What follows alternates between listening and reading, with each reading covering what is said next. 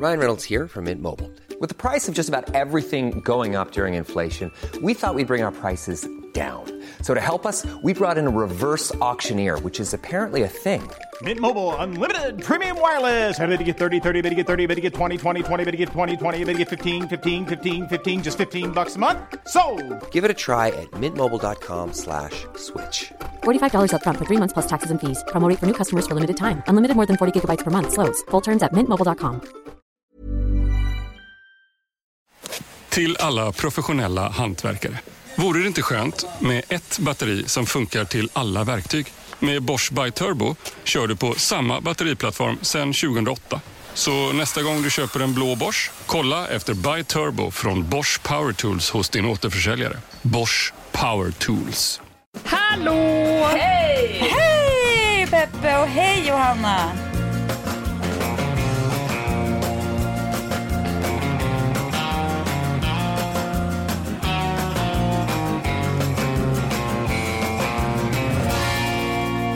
Vi spelar in nu när det är kväll i Sverige, morgon i LA. Men, och jag har precis fått ta av mig strumpbyxor och mina alltså, ganska tunga kängor som jag får med hela dagen. Så att mina fötter lever ett så glatt liv. Ni vet, det är som när man tar av sig ett par Åh. skridskor efter att ha åkt. Ja, Hur lite man än har åkt. Ja, det är så underbart. Det är så mysigt. Jag hade en pojkvän och eh, han brukade säga att hans, han brukade måla upp en så här fantasi av, tänk, att han, tänk om man kunde få sitta på toan och så här precis få släppa loss en så här perfekt, inte hård i magen, heller inte lös i magen, men ändå ett litet motståndsbajs som ändå kommer. I kombination med att någon tar av en ett par pjäxor som har suttit på hela dagen i kombination med att någon ger en huvudmassage samtidigt som man kanske blir lite, lite avsugen. Allt det här händer samtidigt. Det är så jag har det just nu.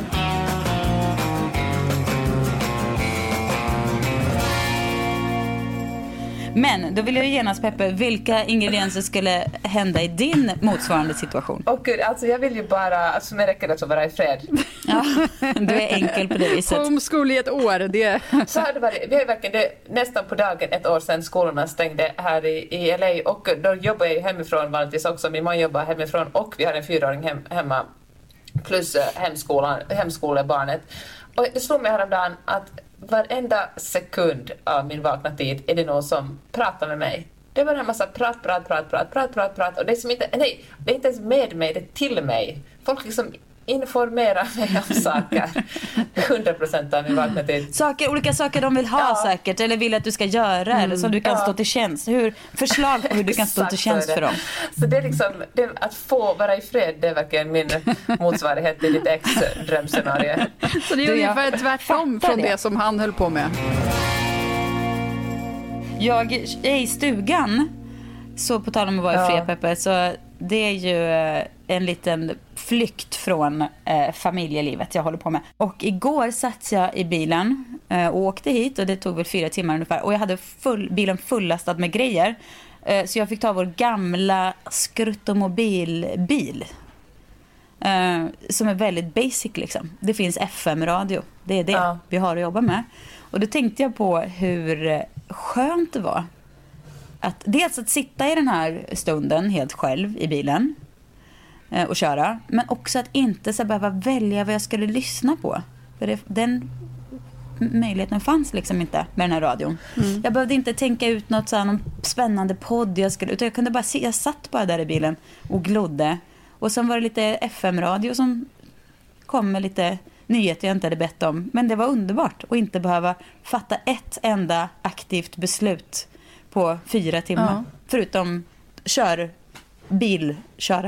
bilkörarmässiga beslut. Jag gör nästan alltid så när jag kör bil. Jag väljer aldrig någonting. För jag, alltså jag hatar om jag ska lyssna på någonting, alltså en podd eller nå- någonting som jag är intresserad av. Då vill jag... Det, det är som, jag vill inte börja se en film som jag inte kan se klart. Jaha. Så om jag ska köra bil någonstans så vill jag inte lyssna i fem minuter på en podd. Då måste jag veta att jag har du vet, en timme på mig. Och Men det på en väldigt sällan- långkörning kan man ju ändå bolla Jo, upp. Jo, men det, alltså, när långkör man? Alltså, du kör, visst, du kör till ditt eh, landställe, men nu, nu är man ju liksom hemma. Men alltså, jag kan göra... Jag kör ju Ja, ja. Ett, väldigt sällan jag kör längre än en halvtimme.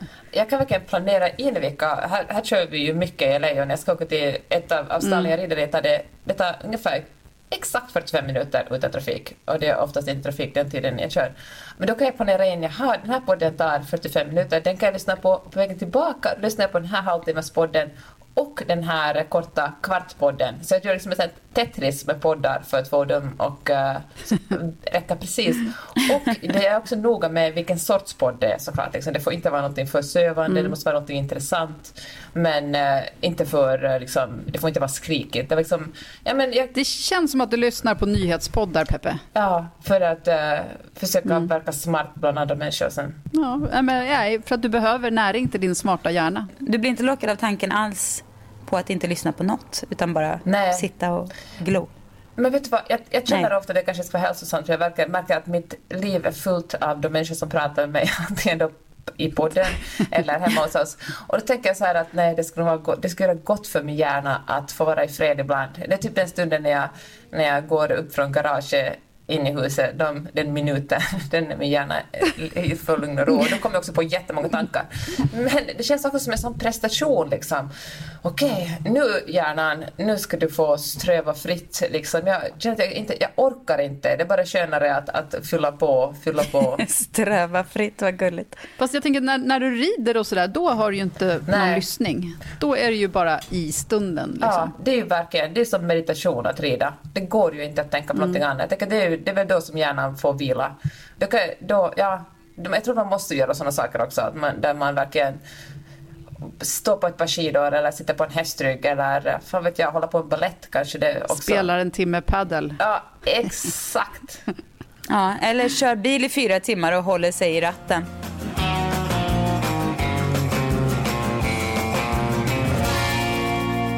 Hörni, jag skulle tala om eh, presenter man har fått av sina män eller för detta pojkvänner. För jag kommer att tänka på en, en grej jag fick när jag fyllde 40.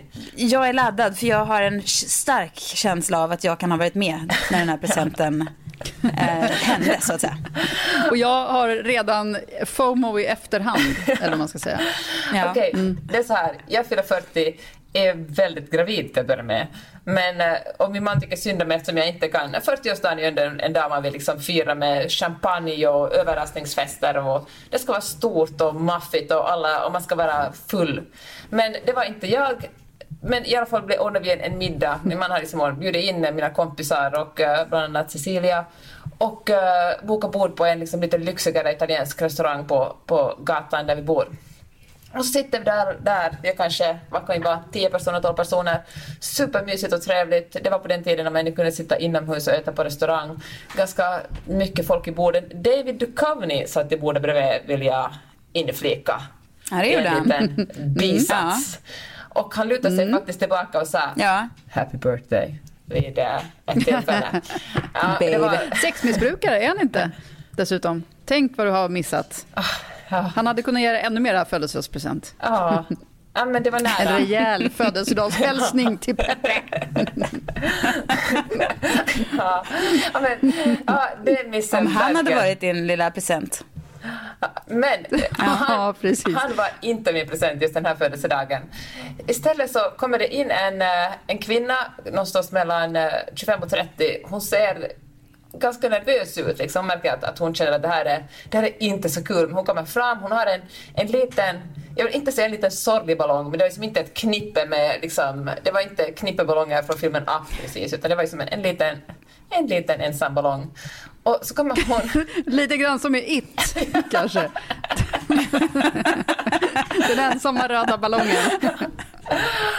och, eh, och så ställer hon sig vid mig och får kolla på mig. Det här är någon, en kompis, är någon, jag, jag har väldigt dåligt ansiktsminne. Jag känner så att vänta nu, det här är någon jag känner som, som Magnus har bjudit in och som vi bara inte har träffat så många gånger. Ställer hon sig vid mig och så börjar hon sjunga. Och så sjunger hon en sång som handlar, handlar om mig.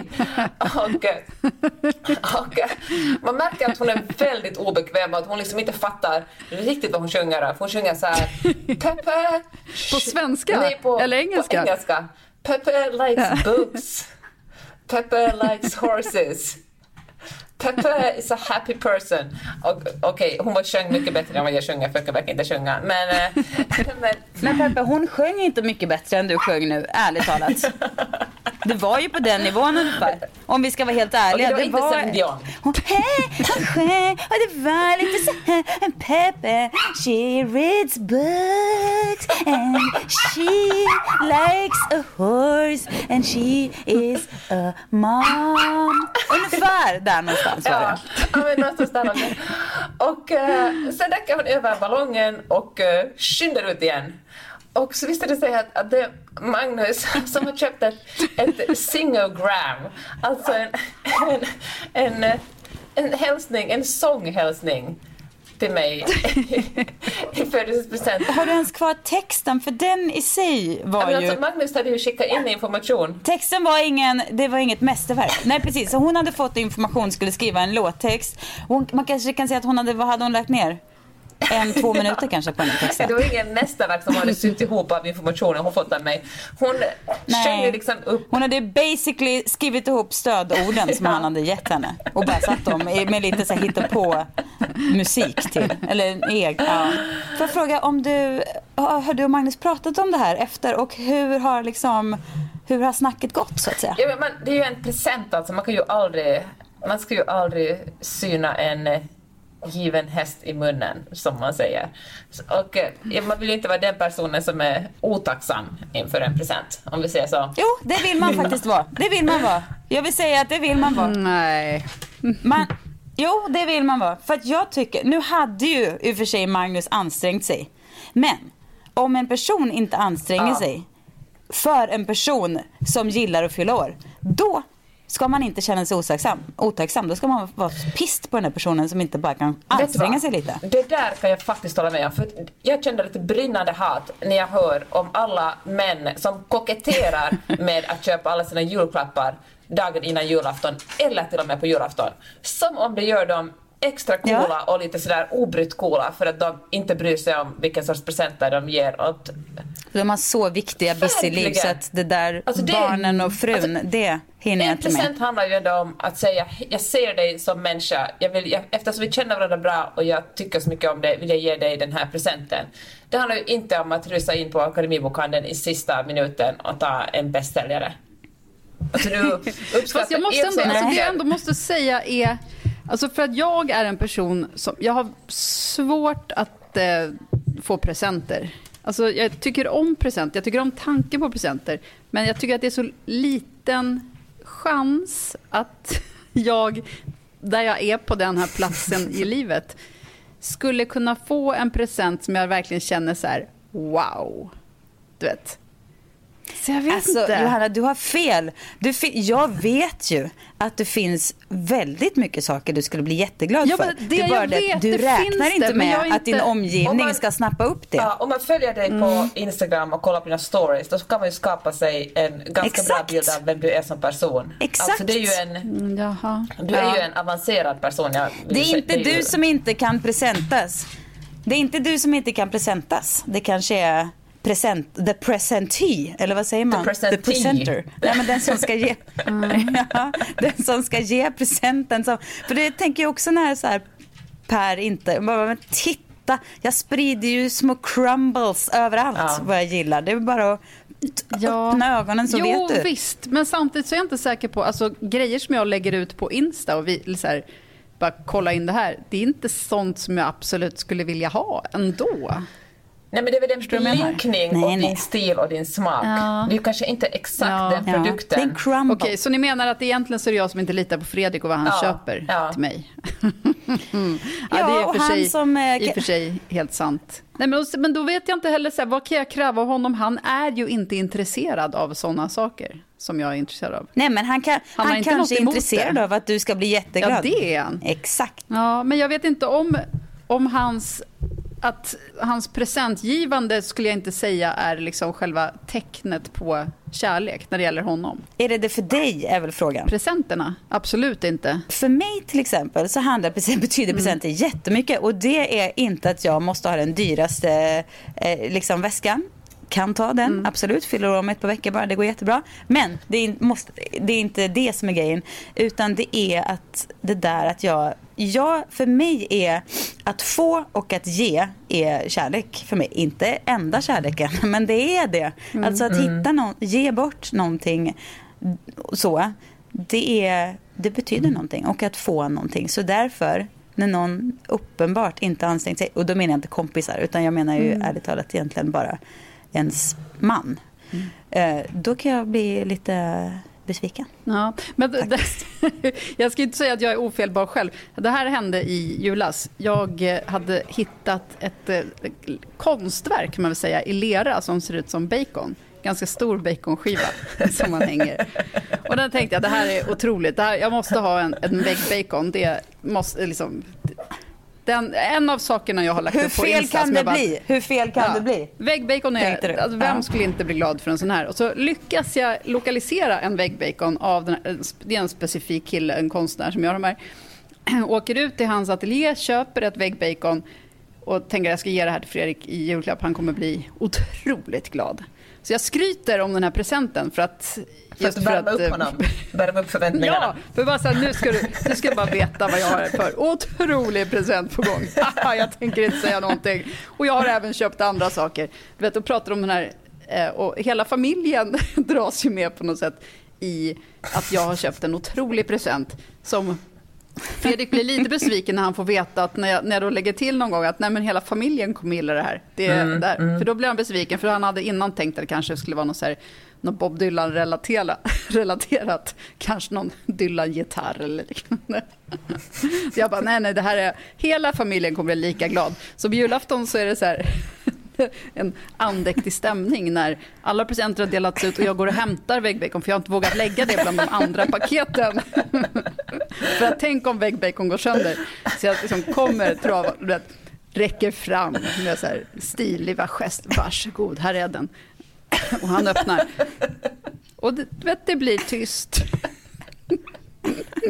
Det var, det var det värsta antiklimax jag har varit med om. Jag bara, det här, ni kommer förstå! Jag vägrar släppa det. Och eh, nu hänger väggbacon på sin plats på en vägg. Fortfarande ingen som har sagt jag älskar väggbacon mer än vad jag har gjort det.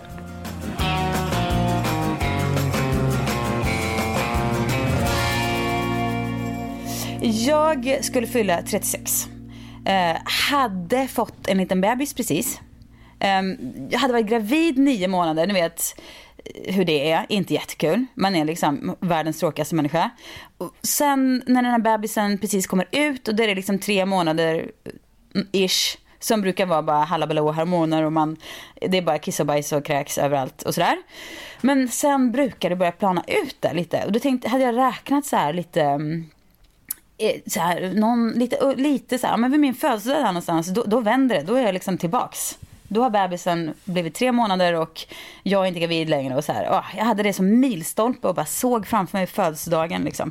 Allt det här hade jag kanske inte kommunicerat så väl till Per som jag alltså, trodde. Jag trodde nog att det var helt uppenbart att det här var en jävla helvete vad det skulle firas. Så då frå- när han frågade så här, hur vill du fira på din födelsedag så var jag så här, nej men inget särskilt och menade så här, du kan behöver inte ringa in liksom LAs blåsorkester, 30 vita springare och en liksom ha liksom flytta hit Hawaii för min skull. Alltså, men det ska ju, du ska ju förstås skämma bort mig så att det nästan är, är äckligt.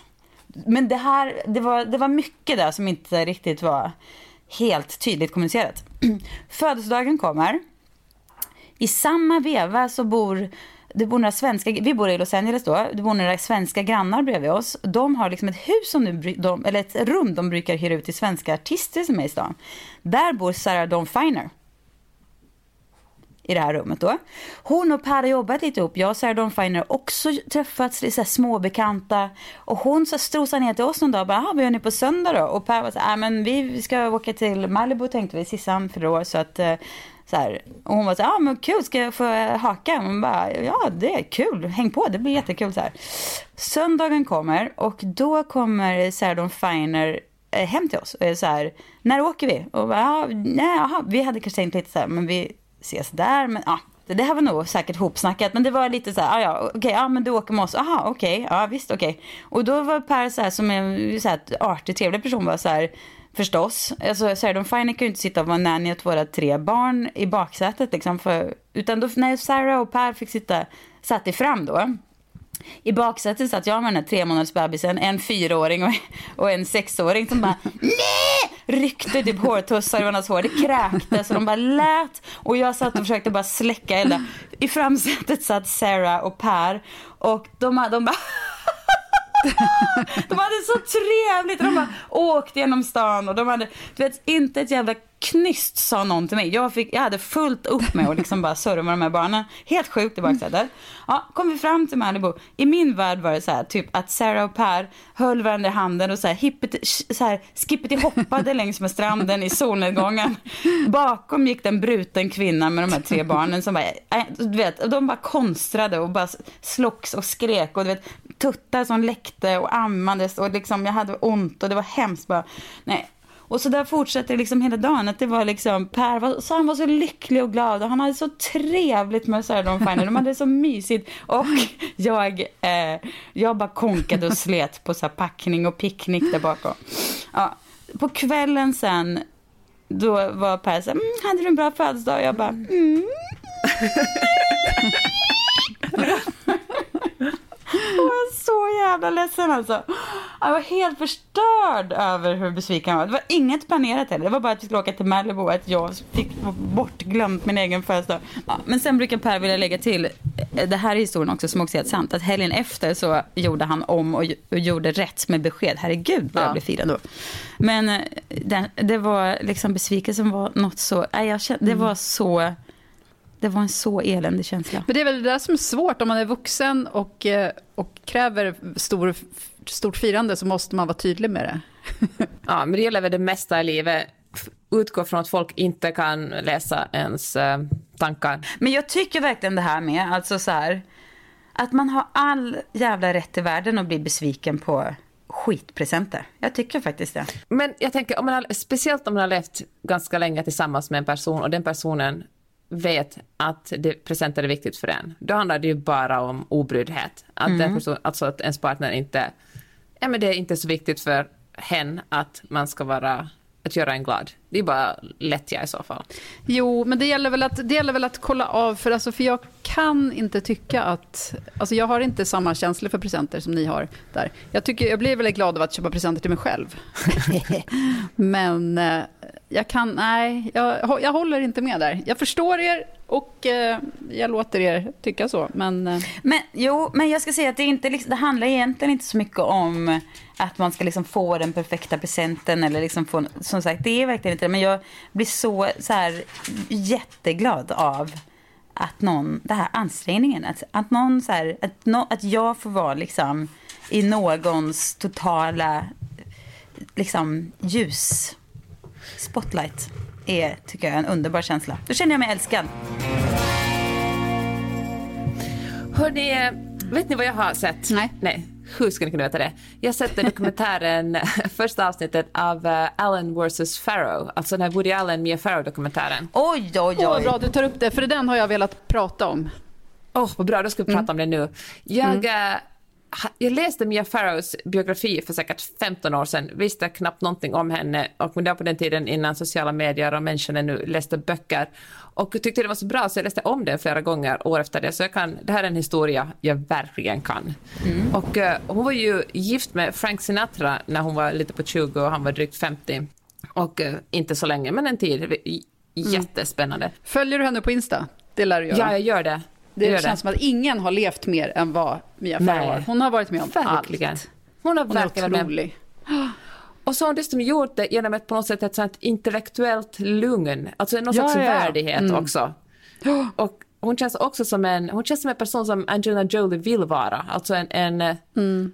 en god person utan att uh, nu vill jag inte kasta någon skugga över Jolie, hon, men, men en person jo, som inte har det. gjort saker för the gram liksom, utan som verkligen har gjort det för att hon hon är en, kanske det är en generationsfråga också. Hon vill verkligen göra världen till ett lite bättre ställe. Hon känns också kanske lite galen.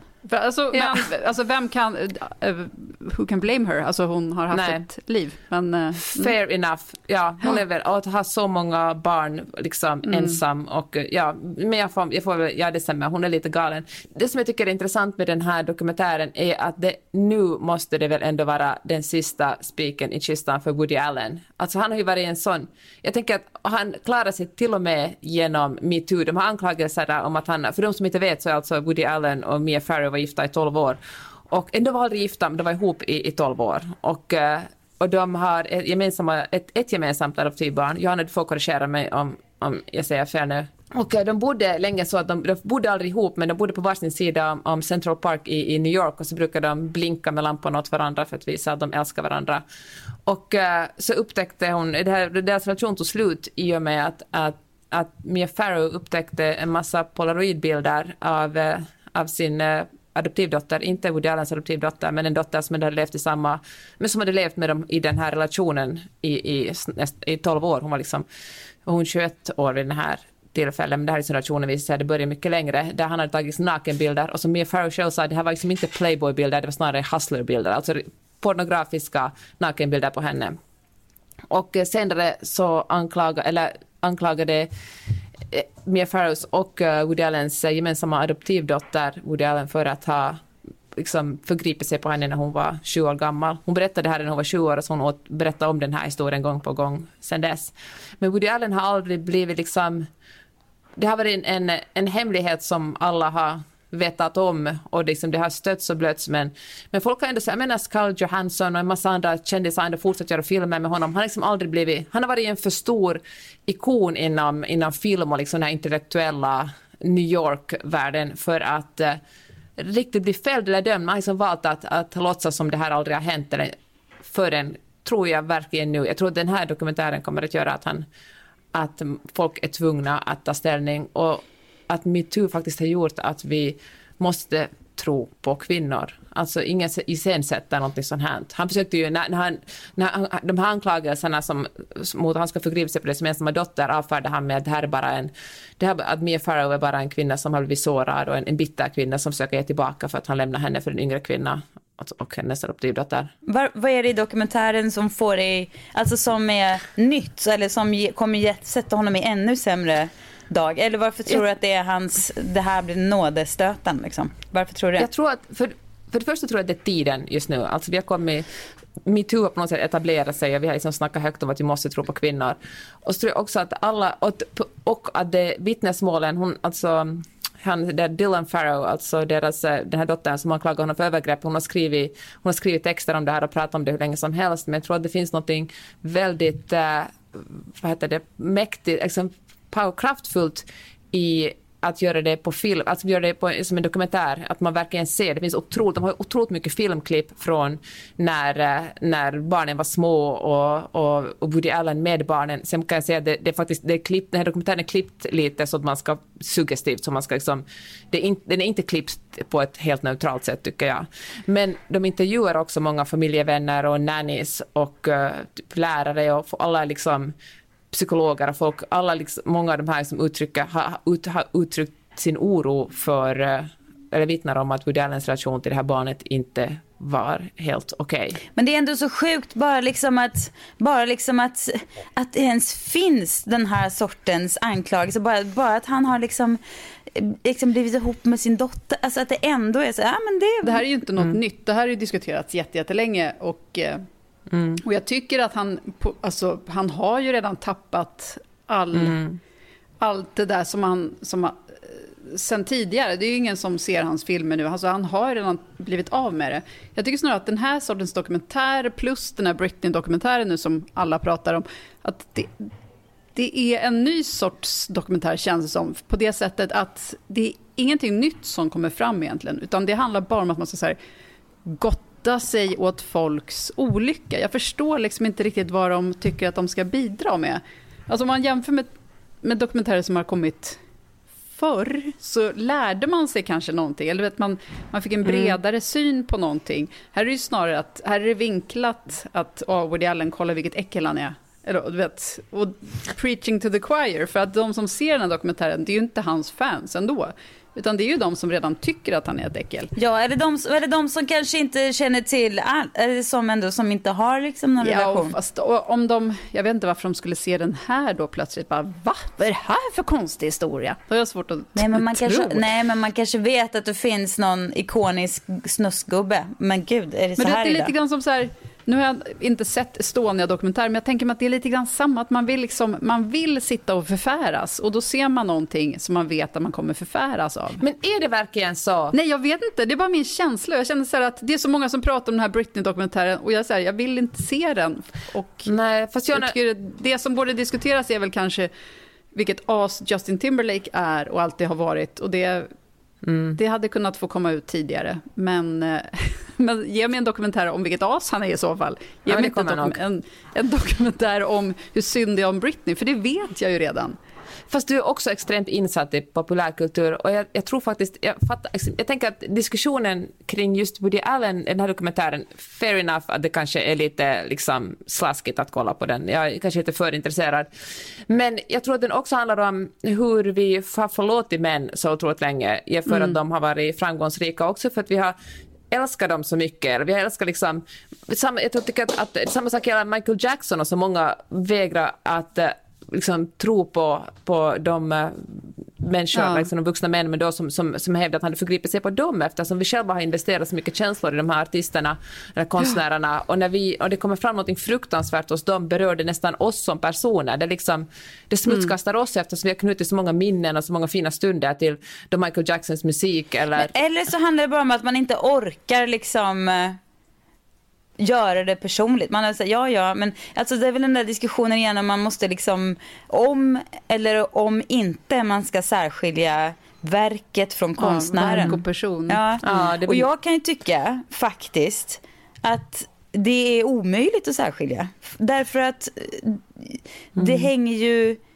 ihop, alltså hur mycket man än vill att det inte ska, varje gång jag lyssnar på eh, Michael Jackson nu, då kan inte jag njuta av, njuta av Nej. musiken. Men alltså jag kan inte, det sitter som ett filter och Woody Allen, absolut om jag hade kollat på hans filmer, vilket jag inte... Ja, men det är inte, jag skulle inte dra fram någon R. Kelly-låt. Nej, det, men jag kan tycka att det är väldigt, väldigt tråkigt med R. Kelly för att jag, det finns ju så mycket bra, och Michael Jackson för den delen.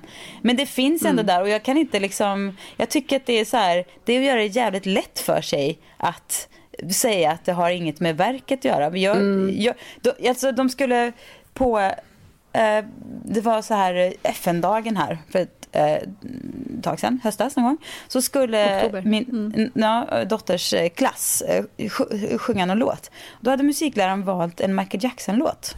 Och jag tycker att det, Är det sant? Jag tycker att jag var liksom, sen, sen av oklar anledning så blev det liksom väldigt småskaligt det här. Typ Black or White, eller vad? Nej, Heal Alltså- the World tror jag. Aha. Ja. Mm. Eh, och jag fattar det. Det är en otrolig låt. Det är fan en av de bästa låtarna någonsin. Men eh, jag var så på vippen att mejla skolan och bara så här, hur fan tänker ni alltså? Ska ni låta en pedofil, sen kan man ju, nej han är kanske inte dömd pedofil, men vi har ändå starka liksom, anledningar att tro att det finns det är inte helt liksom fräscht det han Och då ska vi sjunga det. Barnen ska sjunga låtarna. Ja, nej, det är en låt och det har kanske inte något med honom att göra. Men jag, för mig går det faktiskt inte att särskilja. Det, jag tycker inte det. Det- är, liksom, det är ju klart att man vill kunna göra det. Men nej, om det kommer, om konsten då kommer från den här sortens eh, längtan och begär och, och liksom av liksom sjukhet. Ja, det där är ju en väldigt alltså, aktuell diskussion i Sverige nu med, med rappare som grips för brott och allt vad det är. Ja. Inte bara rappare. Men, eh, Ja, men det kan jag ändå tycka är så här, det, det är ju inte, alltså så här, sen finns det även här en skala. Om man, det, man är, liksom, kommer från den världen, bara, nej, ja då kanske man inte är jättechockad, nej, nu, att han rånar en bank, för det kanske man, det kanske var part of the package på något sätt. ja, men det är ju det är ju viss skillnad på pedofili Ja, det är och, en helt eh, annan sak. och ett litet knarkbrott. Ja, eller en ett litet knarkbrott det kan jag leva med, för min del. Det är inget större problem faktiskt. Alltså jag kan hålla med om att, att eh, Michael Jackson och Woody Allen har varit otroligt begåvade, liksom, kulturella genier. Men, det, men de har ju också, de är ju inte de enda duktiga musikerna och liksom filmregissörerna och skribenterna. Ursäkta.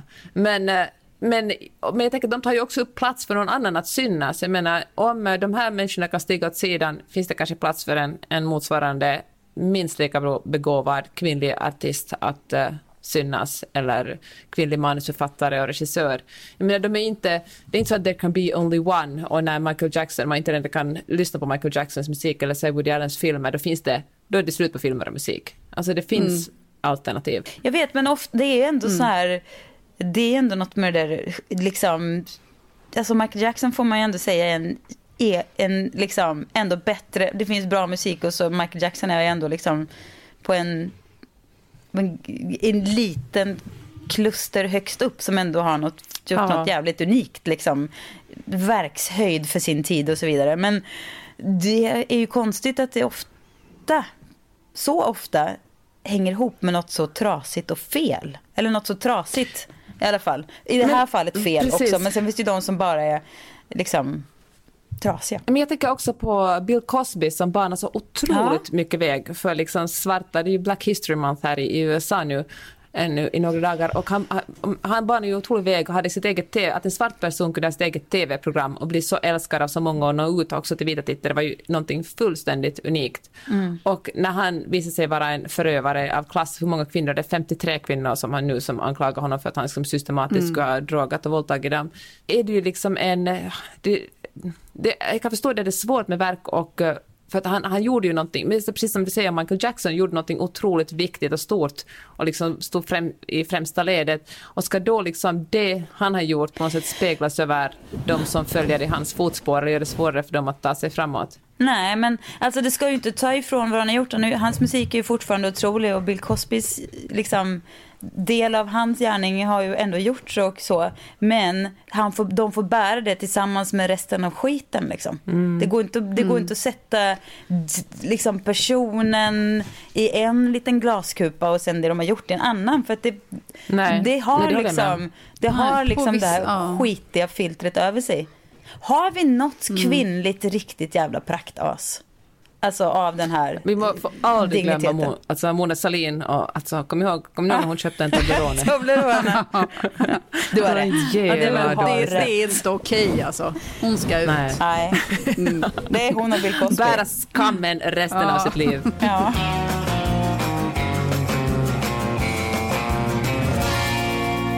Innan vi slutar kan du väl göra veckans trendspaning. Vad ska vi tänka på? Liksom? Hur ska vi klä oss? Hur ska vi inreda våra hem? Vad ska vi tänka på i vår? Ja, men då, då säger jag två saker. Top of mind. Mm. Jag har ju haft en besatthet av, den, av Argentina och eh, gauchon. Jag vet inte hur länge. Jag Många år. Bilder. Många år.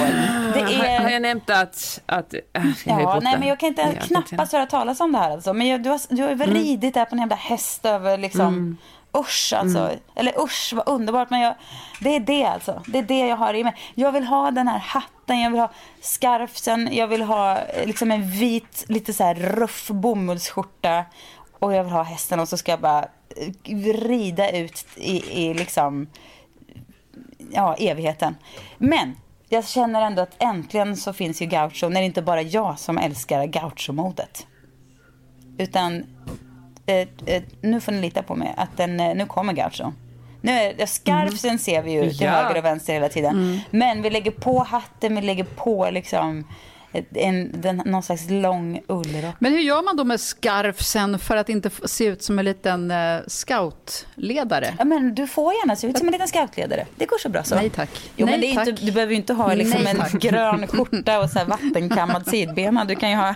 Du kan ju bara... Oh, jag har så svårt att se att jag skulle kunna sätta på mig en liten scarf. antingen, jag skulle se ut som ett, en liten scoutledare eller två, en liten tant som är på väg till sin kyrklig och, kyrka för att ordna lite kaffe och fika åt de andra tanterna med. Ja, men du, vi, får jobba, vi får jobba på detaljerna. Jag kommer i alla fall inte upp. Uh, nummer två, den tar jag från min egen, uh, från min egen um, källare. Nej, men jag håller på att renovera badrummet och gör det med, ja, jag köper allt på Blocket helt enkelt och sådär. Eh, och det tänker jag där med eh, hållbar renovering. Alltså jag tror att det här med att så här, vräka ut eh, det kommer vara en sån skammegrej alltså inom kort. Det här med att liksom vräka ut ett kök som är eh, liksom fem år gammalt och så. Det Mm. är, är så här, det kommer vara inte något man är så här, "Ah, vi, vi, vi ville ha liksom lite en annan finish på luckan. Så vi bara in med ett nytt kök. Det kommer, det bli, det kommer bli så, sån skamning på det. Eh, och Mm, du låg vad, nu, kommer jag, nu kommer jag med en liten dubbelspaning. Jaha. Min spaning är det så här, att efter veganer, ni vet som, om man är vegan så pratar man om att man är vegan. Mm. Ståuppkomiker, för om man är ståuppkomiker då pratar man om att man är ståuppkomiker. Då kommer hemmabadrumsrenoverarna. Jaha. Då pratar man om att man renoverar ett badrum, helst på väldigt låg budget. Jag har just genomlevt, eller vi har alla, alla som följer Hanna Hellquist, hennes badrumsrenovering. Oj, vad det har pratats om den. Nu kommer du och bara tar över när hon precis har slutat. Så mycket Jaha. badrumsrenovering Ja. till billiga priser. Jo, nej, alltså jag ska säga, min... Jag vill gratulera er alla och, och beundrar er Nej, men vet du, min, det, jag, nej, men den, är inte, den blev inte billig för istället, vet du vad jag har gjort istället? Nähä. Alla Nej. pengar jag har tjänat på att köpa mina, inre, mina grejer på Blocket har jag istället lagt på Mm. en en riktig jävla dunderdusch. Alltså jag har köpt en sån här Åh, den här som återvinner vatten. Mm. Ja, en Är det rymddusch. Vattenfallsduschen? Nej, rymdduschen. Nej, det är en Orbital. Systems heter den. Alltså det är som ett, den har ett eget litet vattensystem. Så jag kan stå i den här duschen och duscha i två timmar om jag vill. För det är bara samma vatten som renar, har sitt eget lilla reningsverk och går runt, runt, runt, runt, runt. Kan du kissa i duschen också? Ja, det skulle jag kunna göra. För den har... Den, Och så renare kisset. Ja, den- den- det är som en golden shower. Finns inget renare än kiss. den, Kan vi sluta på den här on this note? För jag måste verkligen gå nu. ja, ja. Vi säger så. Bra sagt. Bra Vi snack. hörs snart Bra snack. Ja. Bra. Det gör Hej då. vi. Kram på er. Hej då.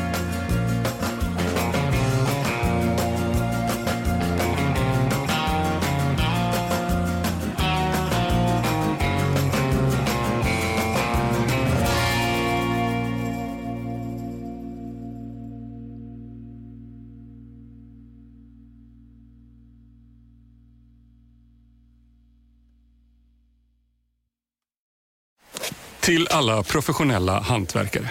Vore det inte skönt med ett batteri som funkar till alla verktyg? Med Bosch By Turbo kör du på samma batteriplattform sedan 2008. Så nästa gång du köper en blå Bosch, kolla efter By Turbo från Bosch Power Tools hos din återförsäljare. Bosch Power Tools. Hej, det är Paige DeSorbo från Giggly Squad. High quality fashion without the price tag. Say hello to Quince. I'm snagging high-end essentials like cozy cashmere sweaters, sleek leather jackets, fine jewelry, and so much more. With Quince being 50 to 80% less than similar brands. And they partner with factories that prioritize safe, ethical, and responsible manufacturing. I love that. Luxury quality within reach. Go to quince.com slash style to get free shipping and 365 day returns on your next order. Quince.com slash style. Hi, I'm Daniel, founder of Pretty Litter. Cats and cat owners deserve better than any old fashioned litter. That's why I teamed up with scientists and veterinarians to create Pretty Litter. Its innovative crystal formula has superior odor control and weighs up to 80% less than clay litter. Pretty Litter even monitors health by changing colors to help detect early signs of potential illness. It's the world's smartest kitty litter.